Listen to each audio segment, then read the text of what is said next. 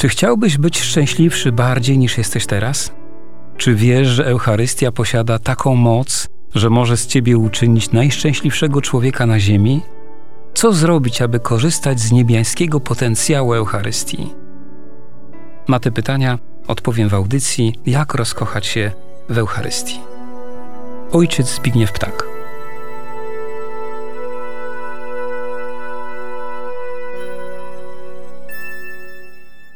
Jak pomagać innym przez Eucharystię? Raz jeszcze witam wszystkich radiosłuchaczy w naszej audycji Jak rozkochać się we mszy świętej. Zanim wejdziemy w te święte tajemnice, jak zawsze, proponuję krótką modlitwę. Ojcze Przedwieczny, ofiarujemy Ci krew Jezusa Chrystusa, krew wszystkich męczenników, cnoty, zasługi Jezusa, Maryi, Józefa i wszystkich świętych, w połączeniu ze wszystkimi mszami świętymi, do tej pory sprawowanymi i tymi, które do końca dziejów będą jeszcze sprawowane, w intencji naszej żarliwej miłości do Eucharystii, w tej intencji, aby było w nas ciągle zadziwienie Eucharystią i głód Eucharystii, i w tej intencji byśmy nigdy nie ulegli rutynie.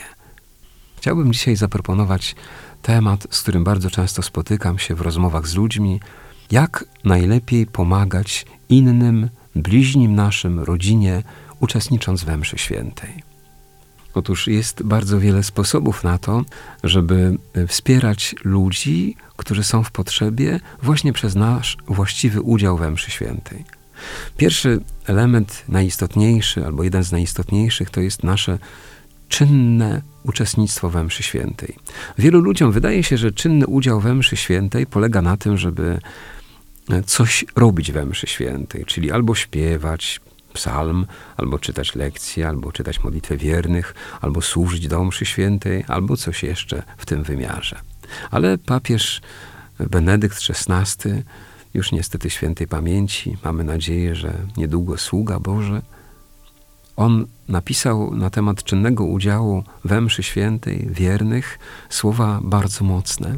Powiedział, że czynny udział we mszy świętej polega na naszej świadomości, czym jest msza święta, na naszym zaangażowaniu duchowym.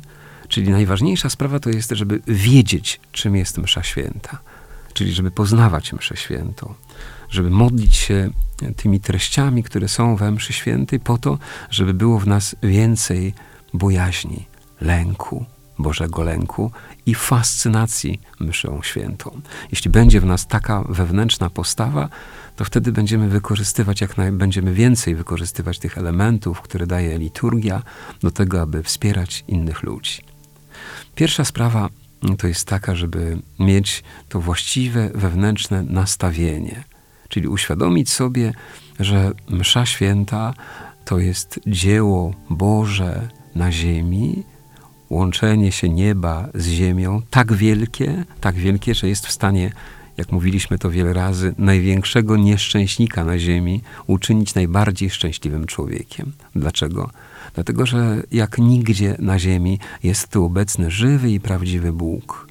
Jeśli mam takie przekonanie, że ten Bóg jest tutaj obecny, to znaczy, że On ma w sobie wszechmoc, w odniesieniu do każdego człowieka.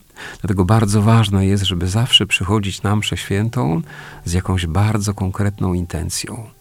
Jeśli mamy potrzeby właśnie w odniesieniu do naszych bliskich, którzy są w potrzebie, to oczywiście e, zawsze przynosimy intencję z sobą związaną z naszymi bliźnimi, z naszymi bliskimi.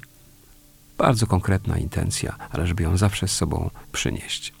Konkretyzując, te rzeczy, możemy powiedzieć, że e, wtedy, kiedy rozpoczyna się msza święta, na przykład pocałunkiem, to możemy e, prosić Pana Jezusa o to, żeby wtedy, kiedy duchowo całujemy ołtarz, żeby On, Jezus Chrystus, pocałował tę osobę, którą Jemu zawierzamy w tej mszy świętej, żeby ten pocałunek miłosny Jezusa dotarł i był doświadczony przez tę bliską nam osobę, która potrzebuje wsparcia.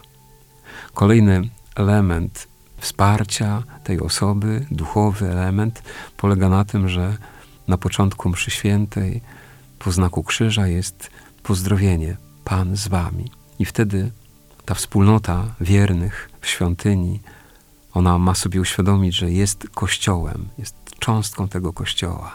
No i tutaj warto uświadomić sobie również i to, że ta osoba, którą zawierzamy, często jest osobą chrzczoną, czasami daleko od Pana Boga, ale też jest cząstką Kościoła, może martwą cząstką, martwą, ale jest cząstką tego Kościoła. Cząstką jest organizmu, jakim jest Jezus, jakim jest Kościół. Dlatego warto, warto uaktywnić jakby tę osobę duchowo, żeby ona uświadomiła sobie, że posiada przez chrzest tak wielki dar, którego trudno z czymkolwiek na ziemi porównać. Oczywiście dar Komunii Świętej, dar otrzymywany przez nas podczas mszy świętej jest również bezcenny, ale wszystko rozpoczyna się od tajemnicy Chrztu Świętego.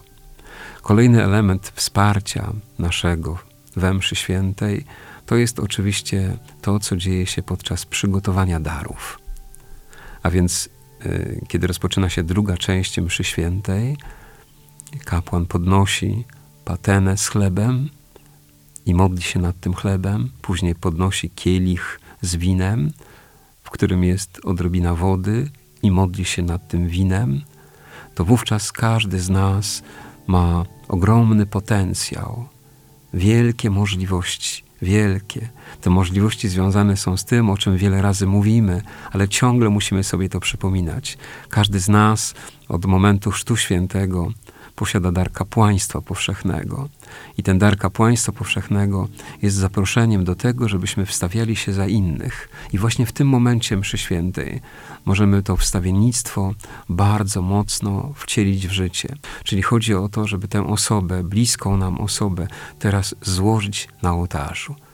Składając na ołtarzu albo dołączając do chleba i wina, mamy całe jej życie, to wszystko, co jest związane z jej egzystencją, egzystencją tej osoby, całe cierpienia, trudy, zmagania, ale również radości. To wszystko, co składa się na codzienność tej osoby, mamy teraz złożyć na ołtarzu. Dlaczego mamy to rozłożyć? Dlaczego ją i innych również mamy składać na ołtarzu? Dlatego, że za chwilę Pan Bóg nam pokaże, pokaże nam, jak wielką posiada moc. Czyli kawałek chleba podczas konsekracji przemieni się w żywe, w żywy organizm Boga, a wino przemieni się w krew Boga. I proszę zobaczyć, że jeśli Pan Bóg posiada taką moc, że może odrobinę materii nieożywionej zamienić swoje boskie ciało, to tym bardziej ma moc, żeby zamienić serce człowieka, przemienić to serce człowieka, żeby to było serce kochające Pana Boga. Tylko cały problem polega na tym, że wtedy, kiedy Bóg przemienia chleb w swoje ciało, a wino swoją krew, to Pan Bóg nie pyta tego chleba o zgodę. Dlaczego? Bo on nie ma wolnej woli. A wtedy, kiedy chce Bóg dokonać przemiany serca człowieka, to on tak bardzo szanuje naszą wolność, że on pyta nas o zgodę. On chce, żebyśmy mu w tym pomogli. I ta nasza pomoc i zgoda na tę przemianę to jest ufność, z jaką przychodzimy na mszę świętą. To jest nasza żywa wiara, z którą uczestniczymy we mszy świętej. To jest nasze rozkochanie się we mszy świętej. Dlatego jeśli brakuje mi takiej postawy, czyli albo ufności, albo żywej wiary, albo rozkochania się we mszy świętej, to mówiąc takim ludzkim, ułomnym językiem, ten wszechmocny Bóg, on jest bezradny wobec mnie. Dlaczego? Bo ja mam zatwardziałe serce, a Bóg nie robi niczego na siłę, bo mnie za bardzo kocha. Dlatego ta postawa jest podstawową postawą wewnętrzną naszą, od której często zależy przemiana drugiego człowieka. Dlatego warto w nią inwestować maksymalnie, jak się tylko da.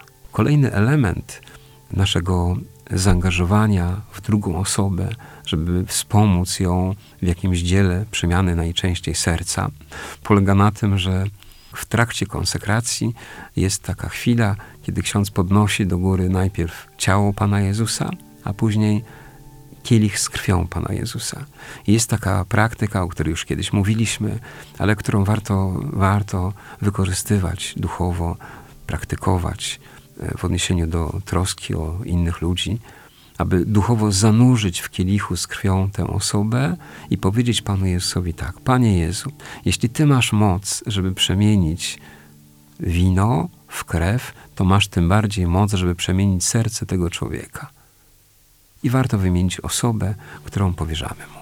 I to jest bardzo piękna chwila mszy świętej, która jest naszym ogromnym udziałem i zaangażowaniem właśnie w to przemienianie serca drugiej osoby. Kolejnym elementem, o którym chciałem powiedzieć w tym przemienianiu i wspieraniu innych, jest to oczywiście komunia. Najważniejszy dla nas moment Eucharystii. Bo jak wiemy, Msza Święta została dana nam po to, żebyśmy przyjmowali Komunię Świętą. I my wiemy o tym, że tę Komunię Świętą możemy przyjmować w jakiejś intencji jeśli ta intencja nie jest związana z nami bezpośrednio, ale z bliźnimi, to ona, tak mówiąc po ludzku, jest bardziej wysłuchiwana przez Pana Boga, bo my się troszczymy wtedy o innych. I warto tę intencję wzbudzić sobie tuż przed przyjęciem Komunii Świętej, powiedzieć Jezusowi w sercu wewnętrznie, że tę Komunię Świętą chcemy przyjąć za tę osobę. Ale warto pamiętać o tym, że im więcej będzie we mnie miłości, żarliwej miłości do Jezusa Eucharystycznego, czyli głębiej i mocniej przyjmę tę komunię świętą, im bardziej zaangażuję się w to, tym więcej jednocześnie mogę tej drugiej osobie pomóc. Tym Panu Bogu daje większe możliwości, żeby On przemieniał serce tej osoby. Dlatego o dziwo, tak naprawdę ta pomoc nasza wobec drugiej osoby, wobec naszej bliskiej osoby, ona często jest taką zachętą ze strony Pana Boga do tego, żebyśmy i my zmienili się, i my bo mocniej i pełniej rozkochali się w Jezusie. Pan Bóg, jak wiemy, często piecze kilka pieczeni na jednym ogniu. Widzimy to, że ktoś potrzebuje wsparcia, ktoś potrzebuje naszej modlitwy, zaangażowania, ale czasami zapominamy, że Niejednokrotnie to my potrzebujemy więcej wsparcia i to nasze zaangażowanie w drugą osobę może zmieniać również nas. Błogosławię Was wszystkich w imię Ojca i Syna i Ducha Świętego. Amen.